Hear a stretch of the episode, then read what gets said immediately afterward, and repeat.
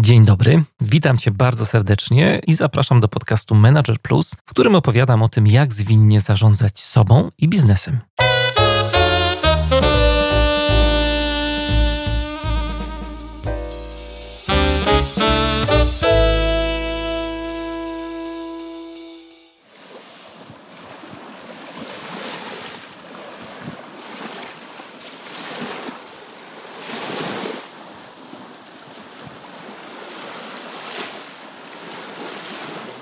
To nasz y, Bałtyk tak szumi. Ciekawe, o czym szumi, tak przy okazji. Jakiś czas temu, dzięki wsparciu patronek i patronów podcastu Manager Plus, bardzo Wam dziękuję za tę możliwość, pojechałem do Sopotu, żeby się spotkać z profesorem Wiesławem Łukaszewskim i nagrać podcastową rozmowę. Był zimowy wieczór. Profesor zaprosił mnie do swojego mieszkania, gdzie w pięknym takim wieczornym anturażu, tuż obok Sopockiej plaży. Rozmawialiśmy na temat tego, jak to jest ważne, żeby pięknie się różnić, ale też umieć czerpać energię z tego wszystkiego, w czym jesteśmy podobni do siebie. Profesor Wiesław Łukaszewski jest jednym z najwybitniejszych polskich psychologów. Specjalizuje się w psychologii osobowości, w psychologii społecznej i psychologii motywacji. Zahaczaliśmy o każdą dziedzinę podczas tej rozmowy. Profesor napisał wiele książek. Każdą mógłbym Wam tak serdecznie, z całego serca polecić. Każda niesamowicie otwiera głowę, zatrzymuje i daje dużo do myślenia, prowokuje do myślenia, takiej refleksji nad sobą, nad życiem, nad tym, jacy jesteśmy, co robimy, w którą stronę zmierzamy. Mam nadzieję, że ta rozmowa dzisiejsza będzie też dla Was właśnie taka mocno otwierająca. Przypominam, że od niedawna podcast Manager Plus jest dostępny na YouTube.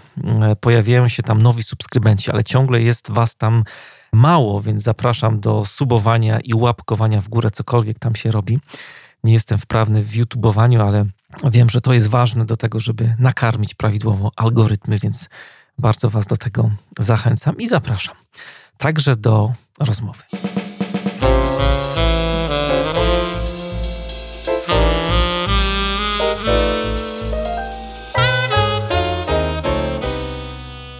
Jest dzisiaj ze mną profesor Wiesław Łukaszewski, wybitny psycholog, psycholog osobowości, psycholog motywacji, który zgodził się mnie przyjąć w swoim domu w Sopocie. Jest mi bardzo miło. Dzień dobry, panie profesorze. Dzień dobry, dzień dobry panu, dzień dobry państwu.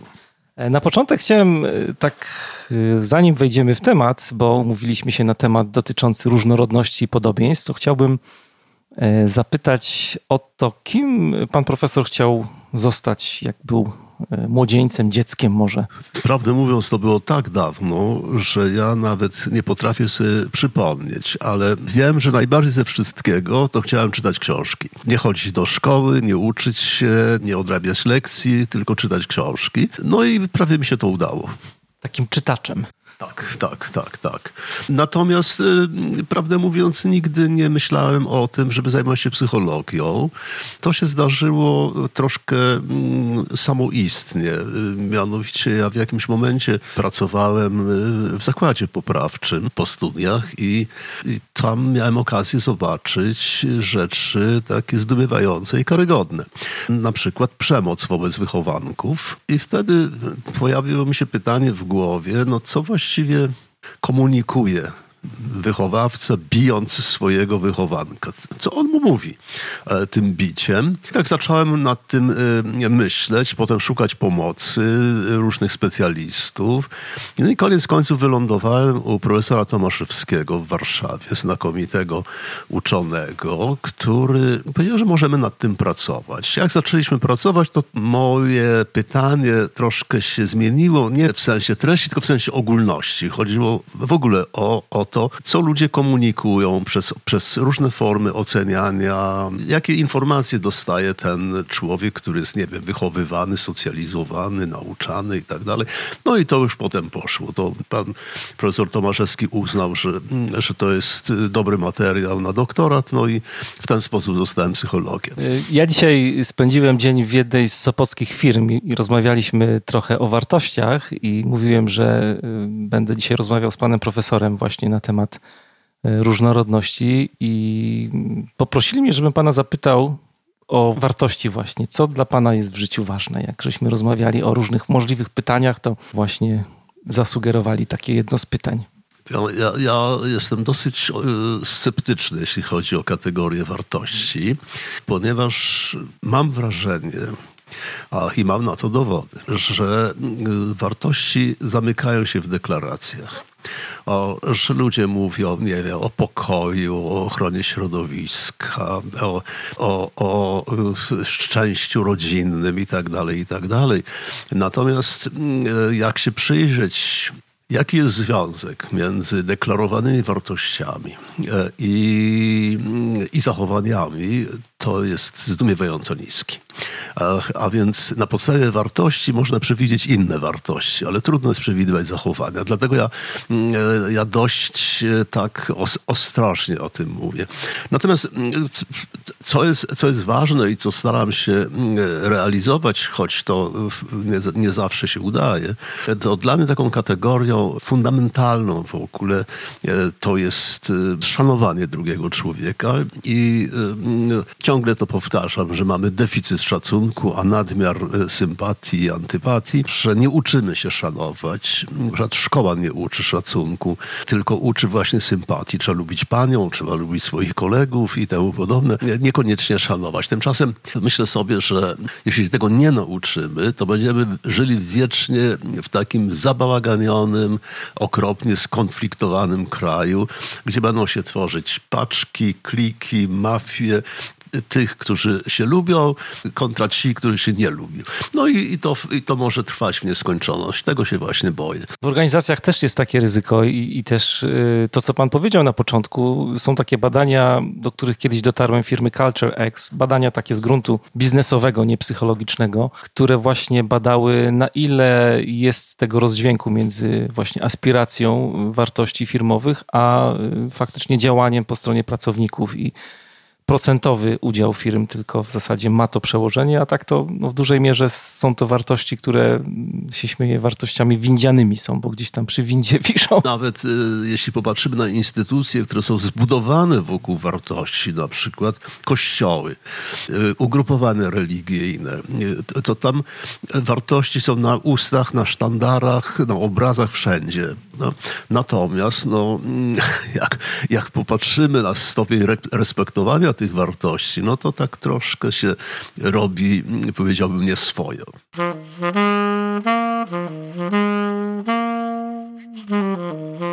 W jednym z pana wywiadów znalazłem taką informację, że tak y, mniej więcej jak skończył pan 50 lat, to y, doznał pan takiego objawienia prywatnego. Chciałem zapytać, y, na czym, na czym polegało to objawienie, bo myślę, że to jest ciekawa historia też.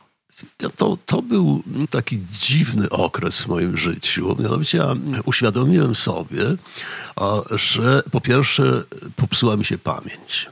To jest fundament w mojej pracy. Musiałem się uczyć na nowo zapamiętywać. To, co przedtem było takie automatyczne, proste i łatwe, nagle teraz okazało się wyzwaniem i wysiłkiem. To po pierwsze. Po drugie, zobaczyłem, e, jak bardzo dużo dorobku psychologicznego e, jest, e, jak, jak bardzo dużo jest byle jakich rzeczy w tym wszystkim. Takich płytkich, takich, takich właściwie nie dotykających żadnej ważnej rzeczy i nie przynoszących przynoszących żadnej nowej wiedzy. Tak sobie pomyślałem, że ja nie chcę tego robić. Ja nie, nie, nie, chcę, nie chcę uczestniczyć w produkowaniu kolejnych tak zwanych paperów, w których piękna forma, tylko nie ma treści. I wtedy zająłem się rekonstruowaniem starych lamp gazowych, elektrycznych, głównie lamp secesyjnych, ale także starszych, nie naftowych, bo akurat do tego nie miałem serca. Chodziłem do różnych majstrów, uczyłem się, nauczyłem się jak się spawa, jak się lutuje, jak się, jak się, jak się spawa srebrem, a jak, a jak cyno i takie tam, jak się hartuje, jak się rozhartowuje i no i tym e, zajmowałem się przez sporo czasu. W międzyczasie prowadziłem prowadziłem jeszcze zajęcia ze studentami, ale z zamiarem zakończenia tego procesu, wycofania się zupełnie. No tych lamp y, y, zrekonstruowałem sporo. Ja tego nie, nie jestem w stanie zliczyć, ale myślę, że tak około trzech setek tego było. Niektóre były bardzo ładne. No, powiem, powiem wprost, że to było właściwie główne źródło moich dochodów. I to takich dobrych dochodów, te lampy. Ale one się też skończyły z bardzo prostego powodu. To jest praca bardzo niezdrowa. Te pyły, śniedzi, tych, tych, te, ten ołów, to wszystko. Ja w jakimś momencie poczułem, że zaczynam chorować po prostu, że to jest, e, że ja muszę z tym skończyć, odstawić. No i odstawiłem, no i cóż, no to wtedy myślę sobie, co mam teraz robić? Kolejarzem zostać, albo pójść na kurs prowadzenia ciężarówki, albo no, no, no więc powróciłem do psychologii, ale na takiej troszkę innej zasadzie. Na zasadzie raczej komentatora niż, niż twórcy. I mi ta rola bardzo się spodobała. Od czasu do czasu prowadziłem badania, od czasu do czasu pisałem naukowe książki, ale w, w głównej mierze to przyglądałem się i, i, komentowałem czasami wręcz jadowicie. I tak, tak, tak to się potoczyło. Czyli, czyli można powiedzieć, że ja wróciłem e, e, do psychologii z powodu e, systematycznego zatruwania się tymi lampami.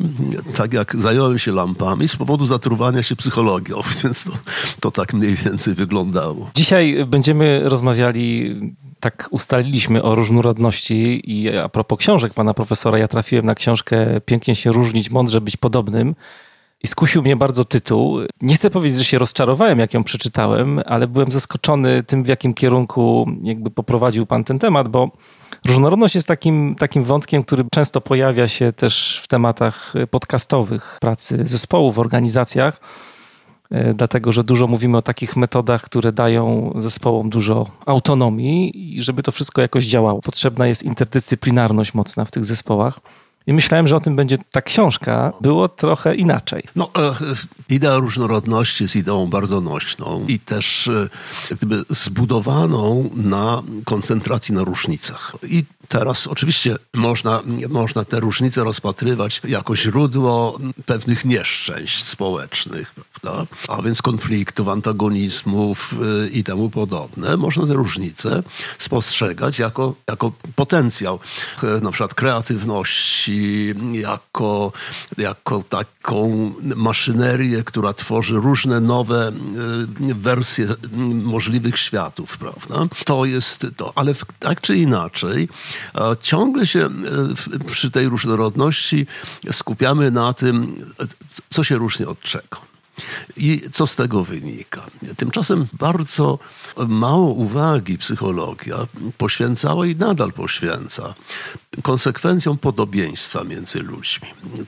Przecież mm, jeśli pomyśleć sobie, że genom człowieka i genom ogórka jest w 50 procentach taki sam. Prawda? Czyli pod 50% względów jesteśmy podobni do ogórka, nie tylko do sąsiada. Prawda? No to, to coś z tego musi wynikać. To, to nie może być to obojętne. To mnie dręczyło od bardzo dawna, zwłaszcza, że sama reguła budowania wiedzy w psychologii opiera się na udokumentowaniu różnic. Jak nie ma różnic istotnych, to nie ma wyniku. Ale przecież, jak nie ma różnic istotnych, to dowiadujemy się, że pod tym względem ludzie są podobni do siebie. Że to nie może być obojętne, e, że są podobni. W związku z czym e, zacząłem e, jakby szukać materiałów dotyczących, no właśnie, konsekwencji tego podobieństwa. Chciałbym być dobrze zrozumiany. To, to nie jest tak, że ja buduję alternatywę między podobieństwem i różnorodnością, bo to byłoby mniej więcej mm, e, tak, jak gdybym mówił, że pole prostokąta zależy od jednego boku, a nie od drugiego. To jest jedno i drugie jest ważne. Natomiast o ile różnice i różnorodność są nieustannie eksploatowane, o tyle podobieństwo bardzo rzadko. Tymczasem no, zgromadzono no, naprawdę dużo danych pokazujących, że jeśli, jeśli spostrzegamy podobieństwo do drugiego człowieka, to zmienia się e, nasza relacja z tym drugim człowiekiem. Jeśli spostrzegamy różnice przede wszystkim, to relacja polega na budowaniu dystansu. Jeśli postrzegamy podobieństwo, to relacja polega na skróceniu dystansu, no i podjęciu różnego rodzaju działań. Na przykład profesor Kulesza taki bardzo zgrabne eksperymenty zrobił, że małpował osobę badaną. Jak ona się podrapała po głowie, to on też się drapał. Jak się złapała za nos, to on też się złapał. No i tak dalej. I okazało się, że kiedy to robił, to potem e, pytany ten badany, ta, ta osoba badana pytana, co on myśli o eksperymentatorze, wyrażała znacznie większą sympatię do niego. E, a jak, niż, niż w warunkach neutralnych. No, proszę zobaczyć, to taka, taka głupota, tak, taki drobiazg. Zdawałoby się kompletnie nieznaczący, a jednak wpłynął on na sposób, w jaki, w jaki jeden człowiek zobaczył drugiego człowieka i wpłynął na sposób, jak się ustosunkował do niego. No w biznesie ten temat jest nośny teraz, głównie ze względu na to, żeby poprzez jakby zrozumienie tego, jak się różnimy, zresztą o tym psychologia różnic indywidualnych mówi, e, zrozumieć ludzi w zespole projektowym na przykład, nie? że ktoś ma taki długi proces decyzyjny i on jak dostaje zadanie, to trochę trwa zanim to zadanie przetworzy. Tak. tak. Musi trochę poprzeżuwać. E, inny z kolei jest taki bardziej zawodniczy i jak snajper będzie strzelał e, do tych zadań. A tutaj pan profesor właśnie pokazał tą drugą stronę medalu, że no nie wiem czy drugą stronę medalu, ale właśnie to, co pan profesor powiedział wcześniej. Ja do tego dotarłem dopiero na końcu, bo w zasadzie ostatni rozdział książki mówi o tej dialektyce nie? między tymi e, dwiema postawami. To jest mi bardzo bliskie, bo ja też nie lubię takich sytuacji ekstremalnych. Nie lubię za bardzo przejaskrawiać czy to wartości, czy jakichś postaw w swoim życiu takim prywatnym też ani w tą, ani w drugą stronę i ten, ta perspektywa balansu właśnie między różnicą a podobieństwem jest, bardzo mi się to podobało. Kiedy pytaliśmy e, na przykład studentów, o, e, żeby wyliczyli pod jakimi względami są podobni na przykład do Adolfa Hitlera, to okazywało się, że pod żadnym co nie byli w stanie mm, w ogóle uzmysłowić sobie faktu, że, że są podobni pod prawie każdym względem, z, z nielicz, a różnią się z, pod nielicznymi. A kiedy pytaliśmy na przykład o to, jak, pod jakimi względami są podobni do matki Teresy z Kalku, to już było troszkę lepiej. To tam znajdowali te względy, ale prawdę mówiąc, pytanie o to, pod jakim względem jesteś podobny do, och, jest pytaniem mm, szokującym dla wielu ludzi. Kiedy pamiętam, zapytaliśmy mm, studentów, pod jakim względem jesteś podobny do chmury. A okazało się, no, że, że co to za głupie pytanie. A, a przecież chmura i my w 80% składamy się z wody po prostu, więc, więc to podobieństwo jest. Natomiast kiedy pytaliśmy pod jakim względem różnić się od Adolfa Hitlera, to lista była taka. Czyli ta gotowość do spostrzegania różnic jest niesłychanie duża, a gotowość do spostrzegania podobieństwa jest niewykształcona, bo tego się można nauczyć po prostu.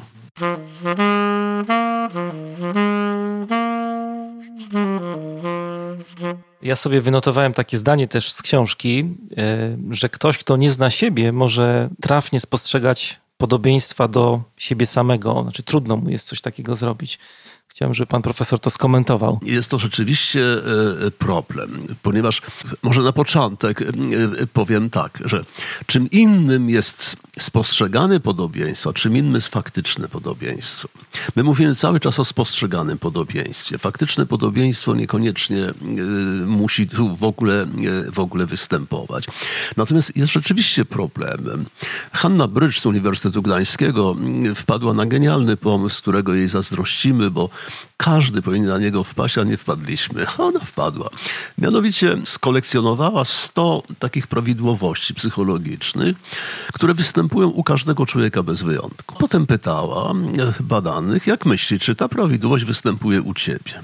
Jeśli on mówił tak, no to znaczy mówił prawdę. Ale jeśli mówił nie, to się mylił. To znaczy czegoś nie wiedział. Otóż trafność spostrzegania tych prawidłowości u siebie wynosiła 20%. A trafność spostrzegania tych prawidłowości u innych ludzi wynosiła 80%. To oznacza, że jeśli chcemy się czegoś do, o sobie dowiedzieć, to pytajmy innych. To musimy nauczyć się słuchać innych ludzi. Przede wszystkim słuchać tych, którzy nas nie lubią. Już bardzo dawno, w latach 50., była taka seria badań, w których pokazano, że obraz ludzi, których lubimy, jest bardzo ogólnikowy i powierzchowny. Że kiepsko znamy tych ludzi. Natomiast obraz ludzi, których nie lubimy, jest analityczny, wnikliwy, i, e, i bardzo trafny. Tak więc mm, to jest najlepsze źródło informacji, ale to wymaga znowu przełamania tej bariery sympatii. Czyli to nie szkodzi, że on mnie nie lubi, ale on mnie zna, więc mm, można się od niego czegoś ważnego dowiedzieć. A wracając do tego szacunku, o którym mówiłem, no w szacunku istnieje domniemanie, że ten drugi może mieć rację. Niekoniecznie ją ma, ale może. Może mieć. I ja pamiętam lekcje właśnie, które udzielił mi profesor Tomaszewski, kiedy taki przemądrzały, butny, wyrażałem e, takie krytyczne uwagi na temat osiągnięć różnych e, światowych psychologów. A profesor z takim spokojem i łagodnością powiedział, to, to nie jest ważne, czy oni mają rację. Ważne, że oni mogą je mieć. I, i teraz pomyślmy sobie, co będzie, jeśli mają. Prawda? Jakie konsekwencje wynikają z tego, że to oni mają rację. Prawda? To e, ja to zapamiętałem jako taką lekcję pokory w istocie rzeczy i, i na zawsze. I ilekroć tak mi przychodzi do głowy taka chętka, żeby pokrytykować, po, pojątrzyć intelektualnie, to przypomina mi się tam w tyle głowy profesor Tomaszewski i mówi uważaj, bo oni mogą mieć rację po prostu i weź to pod uwagę. Otwierające może być myślenie, że ja mogę nie mieć racji, nie? Naturalnie, naturalnie. Zwłaszcza w takiej sytuacji alternatywy. Że ktoś z nas ma rację albo, albo. No? A na ogół jesteśmy skłonni myśleć, że to my. Ale, ale jeśli nie nauczymy się dopuszczać możliwości, że nie, to jednak nie my, to jednak nie ja, to ktoś ma rację, no to jeśli się tego nie nauczymy, no to będziemy, że tak powiem, pogrążać się w tych, w tych takich złudzeniach, mitach osobistych, jakichś wyborach beznadziejnych i temu podobne. Tak sobie myślę, że też się możemy uzależnić od y, takiego myślenia grupowego, czy takiej tożsamości grupowej i, i, to nasze myślenie nie będzie dojrzałe, nie? No bo żeby ono jakoś ruszyło z miejsca, to, to trzeba też właśnie założyć, że mój system, mój światopogląd, moje przekonania, wartości no mogą być dobre tu i teraz, ale za chwilę mogą być inne i jak ja nie będę krytyczny wobec tego, też swojego myślenia, nie, to ja nigdy nie, nie ruszę do przodu. Samokrytyczny przede wszystkim. Jest e, rzeczą dobrze znaną, że w, w, w, grupach bardzo konformistycznych właściwie nie ma nowych idei, że one są bardzo statyczne i, i usychają w tym swoim status quo, w ogóle bez y, jakiejś intencji poszukiwania wyjścia poza to. Jest dobrze, my wszyscy myślimy to samo, my wszyscy, my wszyscy, wszyscy robimy to samo, więc, więc nie musimy niczego innego. I tu właśnie się pojawia ta potrzeba dialektyki, prawda? bo my wszyscy jesteśmy podobni do siebie, więc jest cudownie. E, tymczasem jest cudownie, ale nie mądrze. E, I, i, czyli zastrzyk różnorodności, e, nie wiem, bunt, dewiacja w tym, w tym konformistycznym kolektywie może być czymś, co wstrząśnie i co uruchomi zupełnie nowe procesy. Także jedno bez drugiego się mm, w ogóle nie obejdzie. O dewiację chciałem też zapytać, jakoś sobie zanotowałem podczas lektury książki, czy, czy to może mieć wpływ też na proces grupowy, bo my się czasami w grupach czy zespołach projektowych obawiamy dewiantów różnych. To na różne sposoby można rozumieć, ale nawet ktoś, kto jest pod względem stroju trochę inaczej wygląda niż e, cały zespół, nie mówiąc już o myśleniu. Czy to może w jakiś sposób wpłynąć negatywnie na proces e, pracy grupy, zespołu projektowego? No, nasze, nasze życie społeczne jest, y, powiedziałbym, dosyć takie y, szare, monotonne i przesunięte ku negatywności. Y, więc wszelka odmienność jest takim źródłem lekkiego niepokoju, delikatnie mówiąc, a czasem dużego wręcz niepokoju. I pojawia się taka dość naturalna tendencja do wywierania presji na likwidowanie tej odmienności.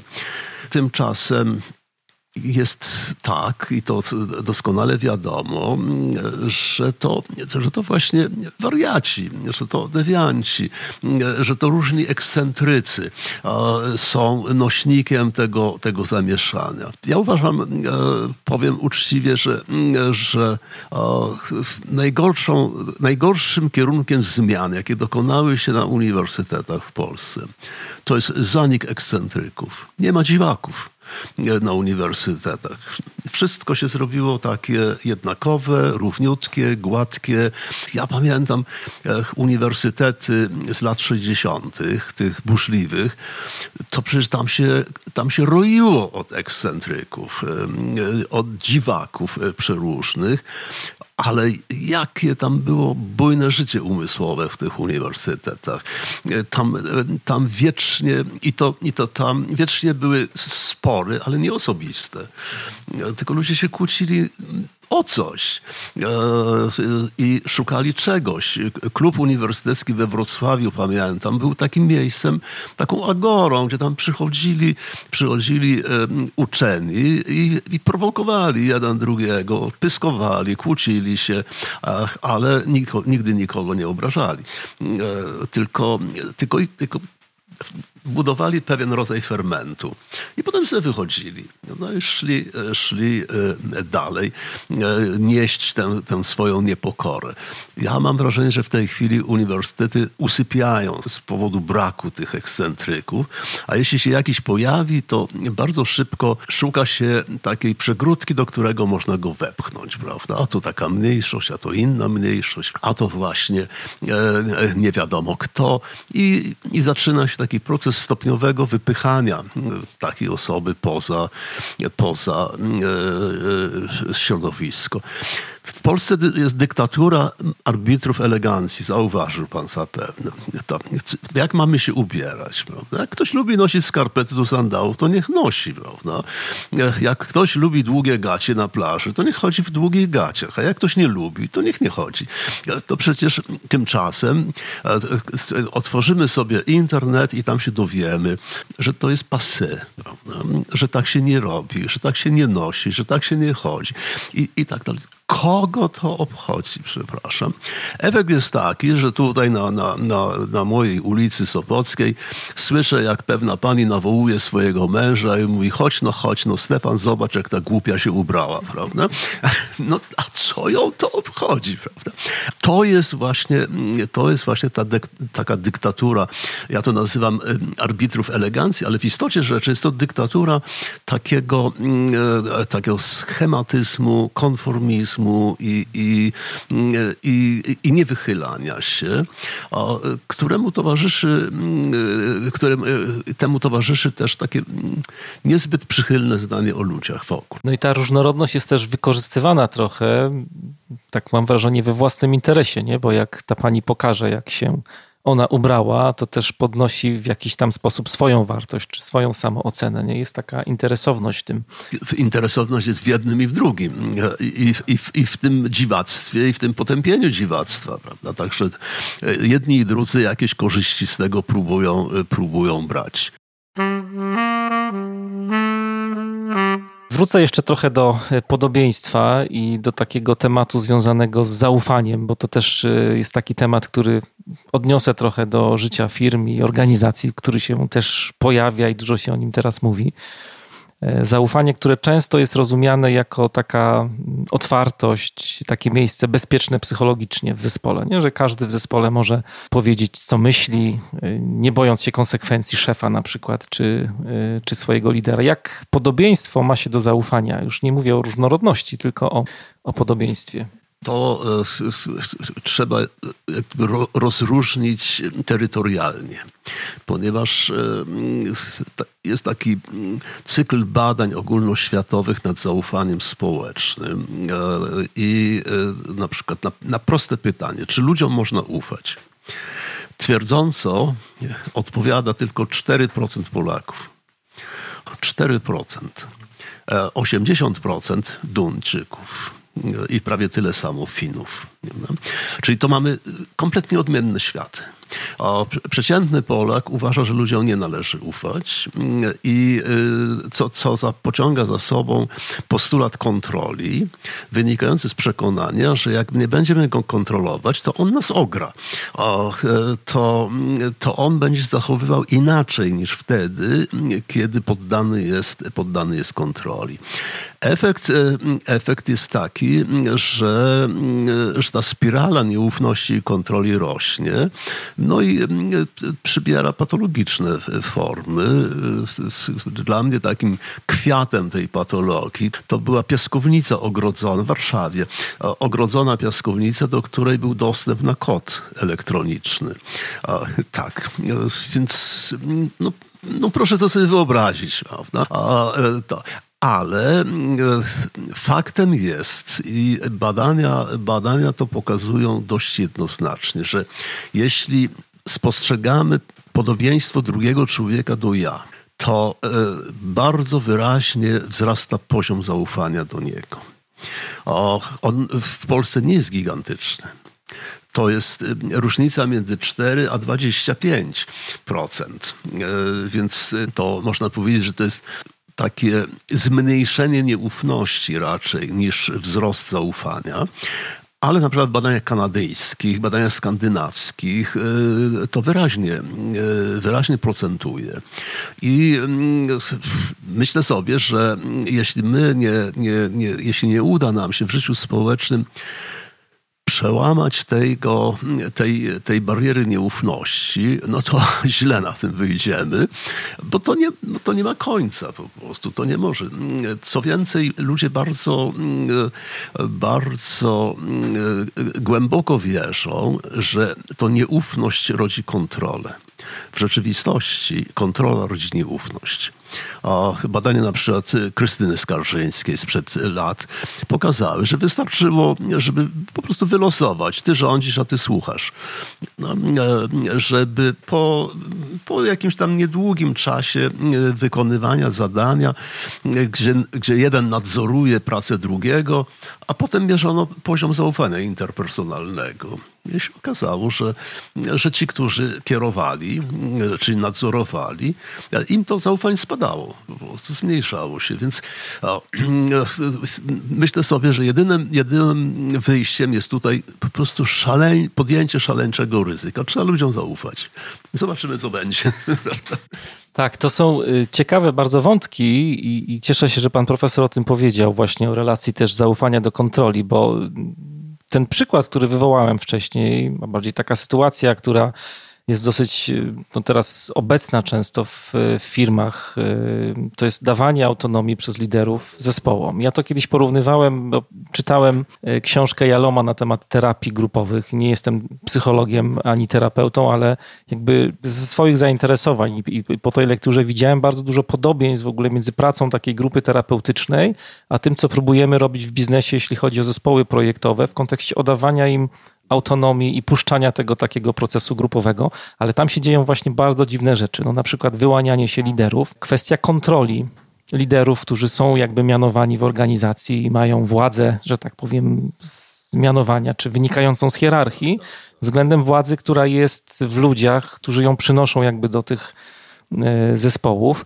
I, chciałbym dopytać jeszcze o kwestię właśnie autonomii, no bo zaufanie to jest cenne bardzo w kontekście kontroli i ta nieufność, o której pan profesor powiedział, ale ciekaw jestem właśnie, jaka jest relacja między na przykład dawaniem tej autonomii przez lidera, a pracą z podobieństwami w takim, w takim zespole, bo siłą rzeczy, idąc tym tropem myślenia, domyślam się, że jest. W ogóle y, można powiedzieć y, taką dość banalną, ogólnikową, ale prawdziwą y, myśl, żeby mówić o wpływie ludzkiej osobowości na jakiekolwiek rzeczy, także współpracę, także, także komunikację w, w, w, w, grupach, e, to trzeba przyjąć podstawowe założenie, że jest to wolny człowiek.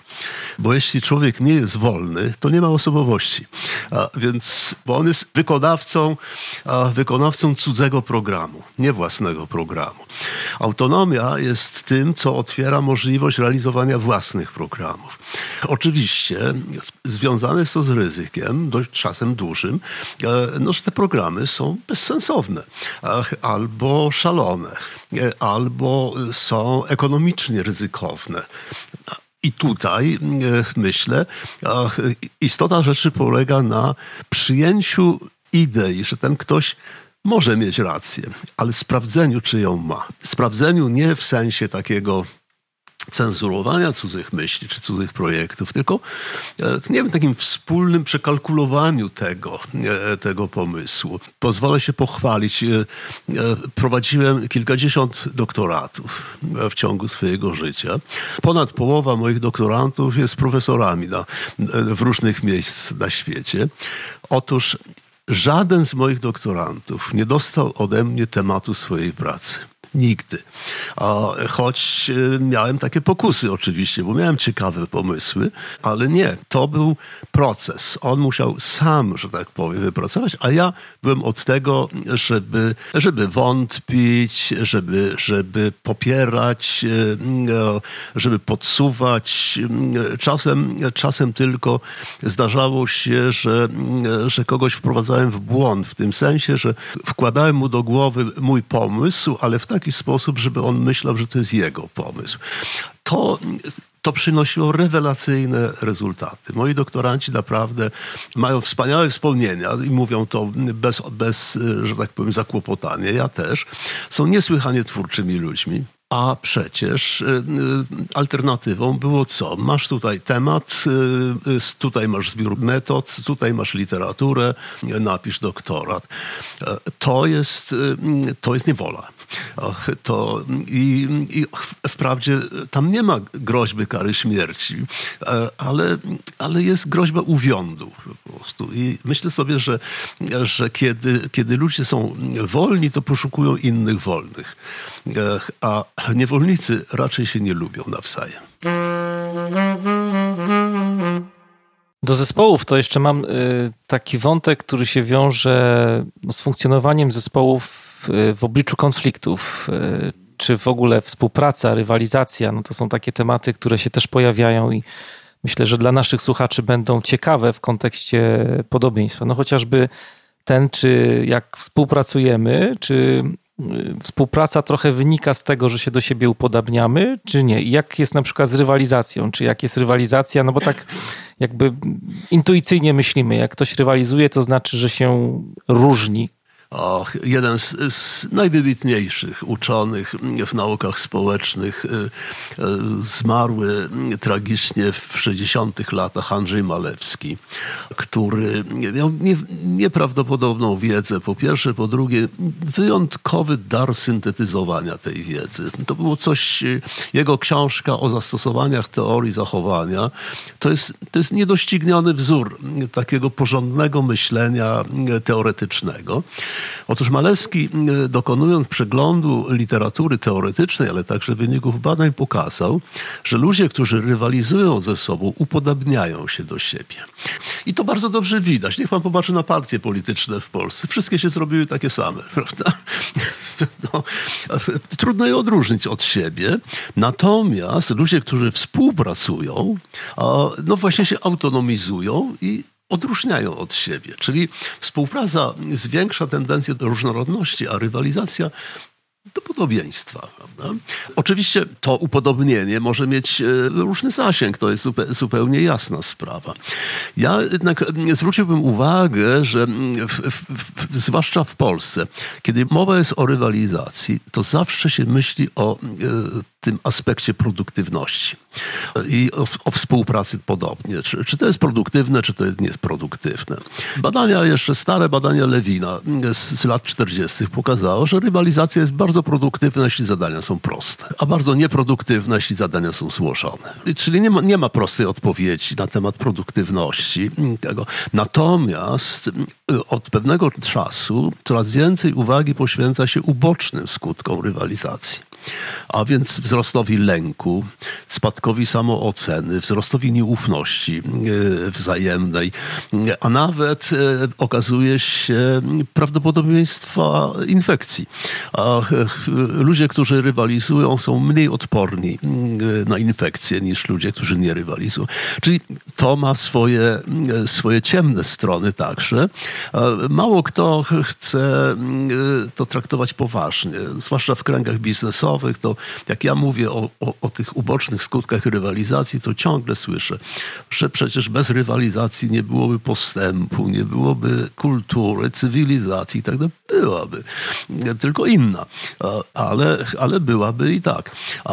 Natomiast e, mało kto e, zwraca uwagę na to, że, że ta rywalizacja uszkadza relacje między ludźmi.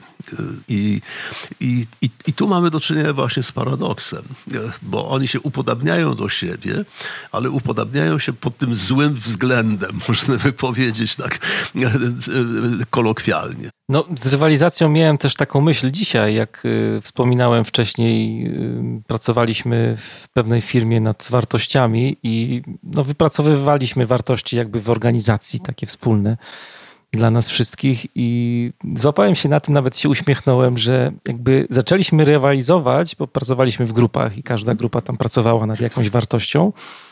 Złapałem się na tym, że grupy rywalizują o wartości między sobą, coś, co jest w gruncie rzeczy takie nieocenne, neutralne pojawiały się hasła, albo moja wartość jest lepsza na przykład. No, faworyzowanie własnej grupy, faworyzowanie też siebie jako wartościowego członka wartościowej grupy społecznej to jest naturalna, e, naturalna kolej rzeczy. Ono się od czasów biblijnych opisywana. W Biblii można znaleźć całe mnóstwo takich ładnych fragmentów na temat e, tego właśnie faworyzowania swoich, deprecjonowania obcych i temu, i temu podobne. To jest, to jest e, zjawisko zjawisko naturalne do, do momentu, w którym nie pojawia się myśl o tym, że ten drugi, czy oni, czy on w ograniczonym stopniu jest człowiekiem. A więc kiedy nie pojawia się pokusa, czy to infrahumanizacji, czy dehumanizacji, czy tego, coś tak mądrze nazywa dementalizacją, czyli uznawanie, że ktoś jest głupi, po prostu pozbawiony e, kompetencji intelektualnych albo pozbawiony kompetencji moralnych. Jak się taka pokusa pojawi, to właściwie e, zaczynamy przegrywać. E, I, i tutaj znów natrętnie wracamy do czego? Do szacunku.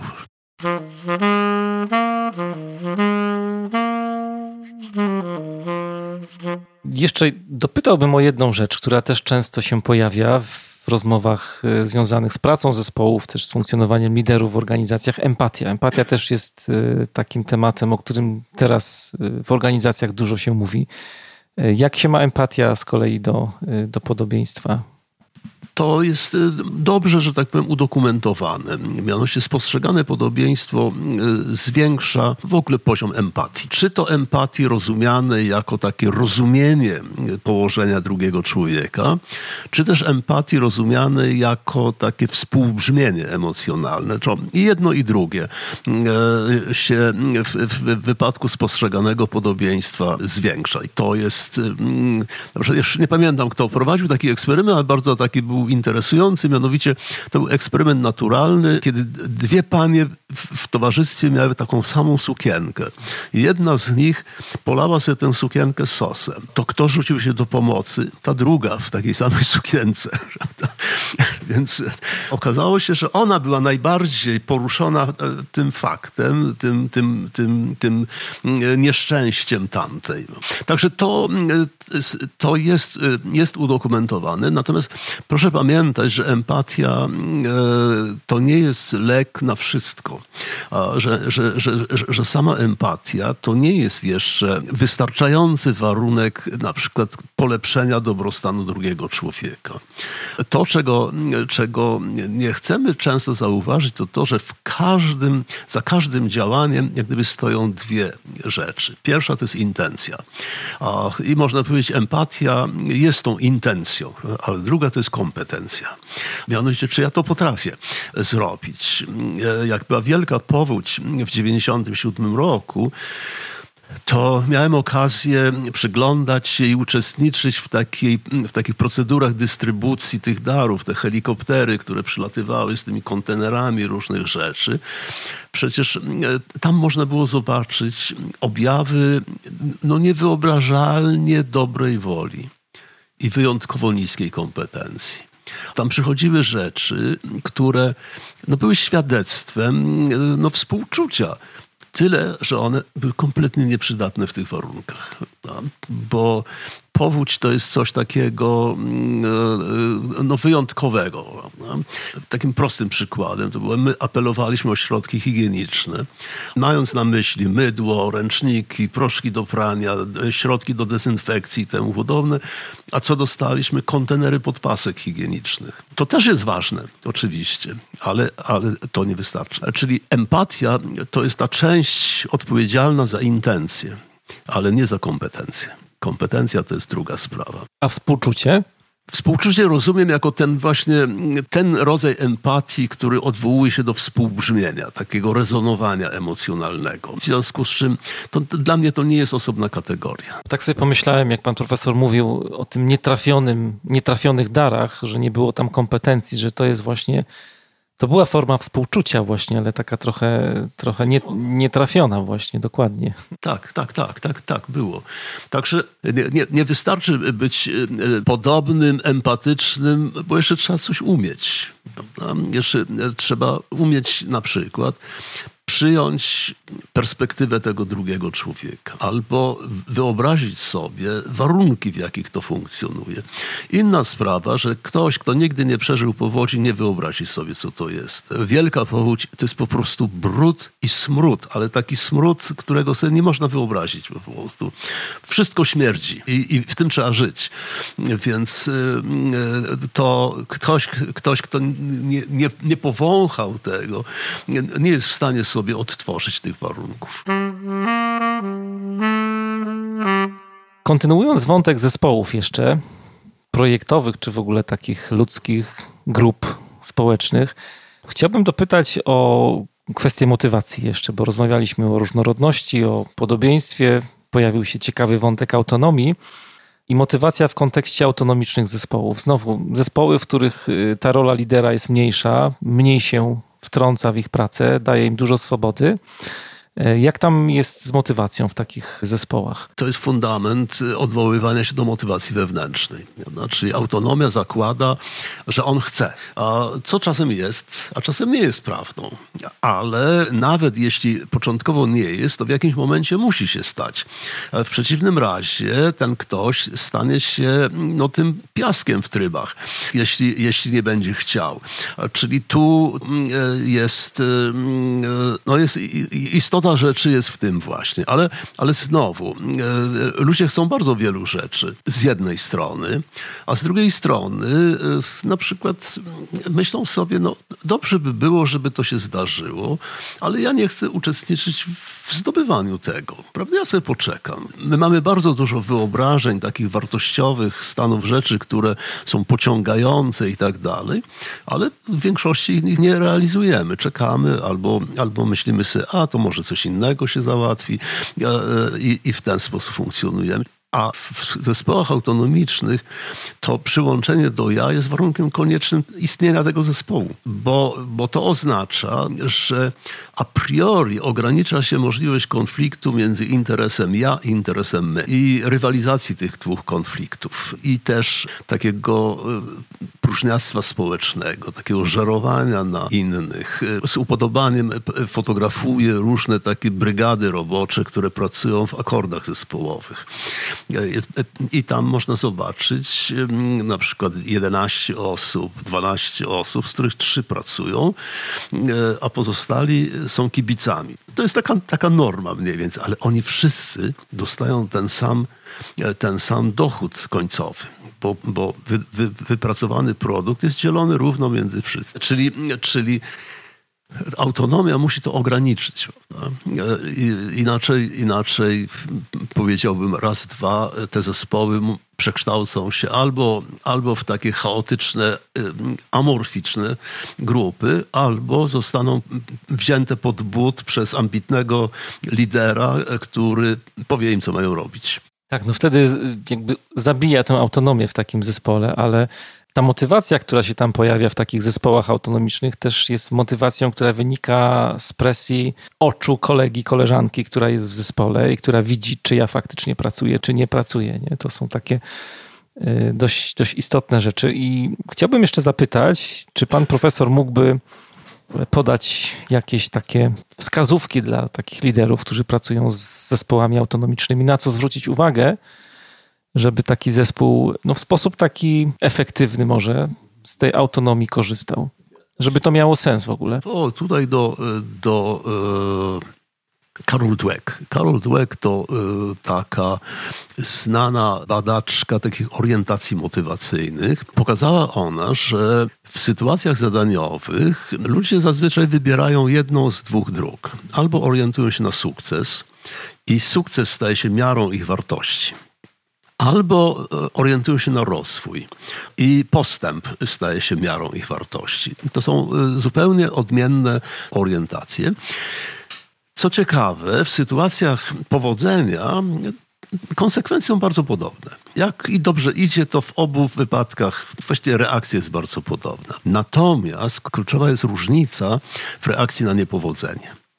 Ponieważ dla ludzi nastawionych na sukces i dla tych, którzy wierzą, że sukces jest miarą ich wartości, porażka jest po prostu ciosem w samo serce. A i porażka w, w, w wypadku tych ludzi jest praktycznie rzecz biorąc silnie demobilizująca demotywująca. Oni już nie chcą tego robić.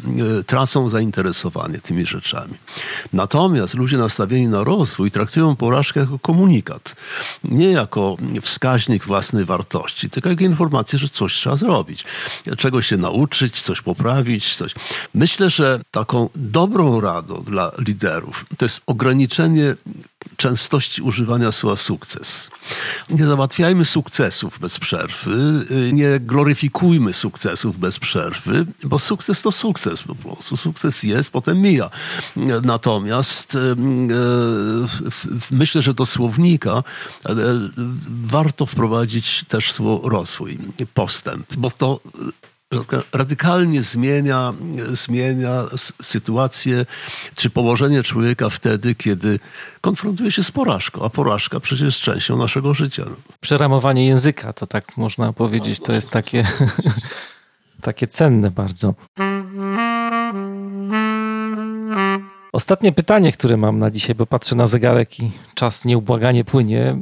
Y, wspominał pan profesor, że, że chciał czytać książki tym się chciał pan profesor zajmować w życiu, jak wcześniej pan myślał jako e, młodzieniec o tym. E, czy jest jakaś taka książka, która dla pana profesora jest taką zmieniającą życie? Dla mnie taką książką, która była takim prywatnym objawieniem, była książka Siddhartha Hermana Hesse na przykład. Ja, ja czytam ciągle i ciągle, ciągle, co, coraz wolniej, bo mam problem z oczami, ale to już jest inna kwestia jest bardzo niewiele książek, które ja czytałem tylko jeden raz. E, w większości wypadków e, czytam to, e, to wiele razy i oczywiście takich książek mógłbym wskazać wiele, które, które gdzieś tam w głowie mi zostały. Na przykład Saula Beloa Herzog, taka, o takim dziwacznym profesorze amerykańskim.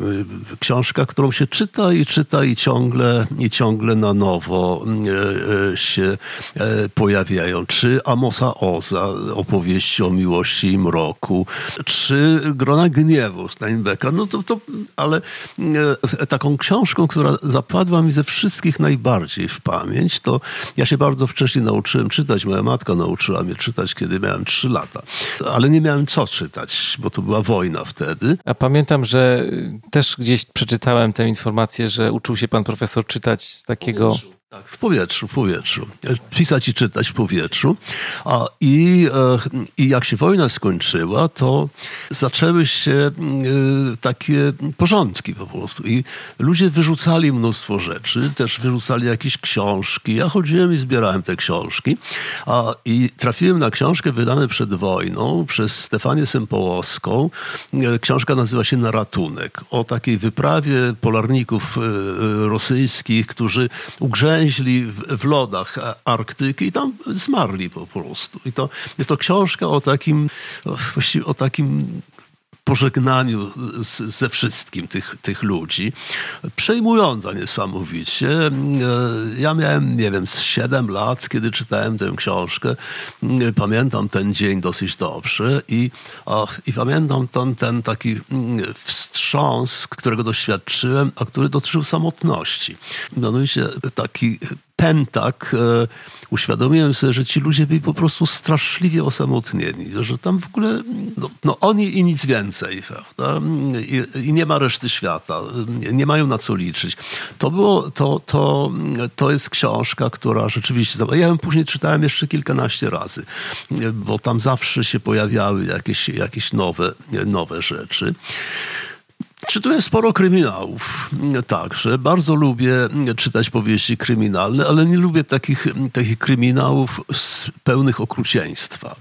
Lubię kryminały, w których jest intryga, w których się tam toczy gra, więc, więc to. Komisarz Montalbano jest panu profesorowi znany? Ale oczywiście, przeczytałem wszystkie Montalbany, wszystkie bez wyjątku. Bardzo, bardzo to lubię, bo to, to jest takie pisanie, powiedziałbym, śródziemnomorskie, takie właśnie, takie dosyć pogodne, trochę ironiczne, trochę tutaj o jedzeniu, tutaj o winie, tutaj trochę o seksie, a przy okazji tam jeszcze jakieś, jakieś sprawy się załatwia. Tak. Panie profesorze, bardzo dziękuję za ten cudowny czas. Dziękuję bardzo. Dziękuję wszystkim patronkom, patronom podcastu Manager Plus. Przesyłam wdzięczność wszystkim nowym osobom, które ostatnio dołączyły. E, I tutaj wymienię kilka osób: Sergiusz, Mikołaj, Marcin, Karolina i jedna osoba, która poprosiła mnie o nieujawnianie imienia i o anonimowość. Jeżeli podoba Ci się to, co robię, jeżeli treści, które tutaj mm, w podcaście prezentuję, mają dla Ciebie wartość, zmieniają Twoje życie, to zapraszam na Patronite, żebym jak najdłużej mógł robić to, co robię właśnie dla Was. Przypominam też, o akcji karmienia algorytmów. E, żeby nakarmić ten głodny algorytm, e, nie trzeba jakoś strasznie się wysilać, ale wiem, że wchodzenie do aplikacji i nawet kliknięcie lajka czasami to jest jakiś tam duży wyczyn dla nas. Sam też tak mam, ale pomyślcie sobie o mnie, pomyślcie sobie o tym moim apelu i o tym biednym, głodnym algorytmie, który czeka właśnie na to, żeby go nakarmić.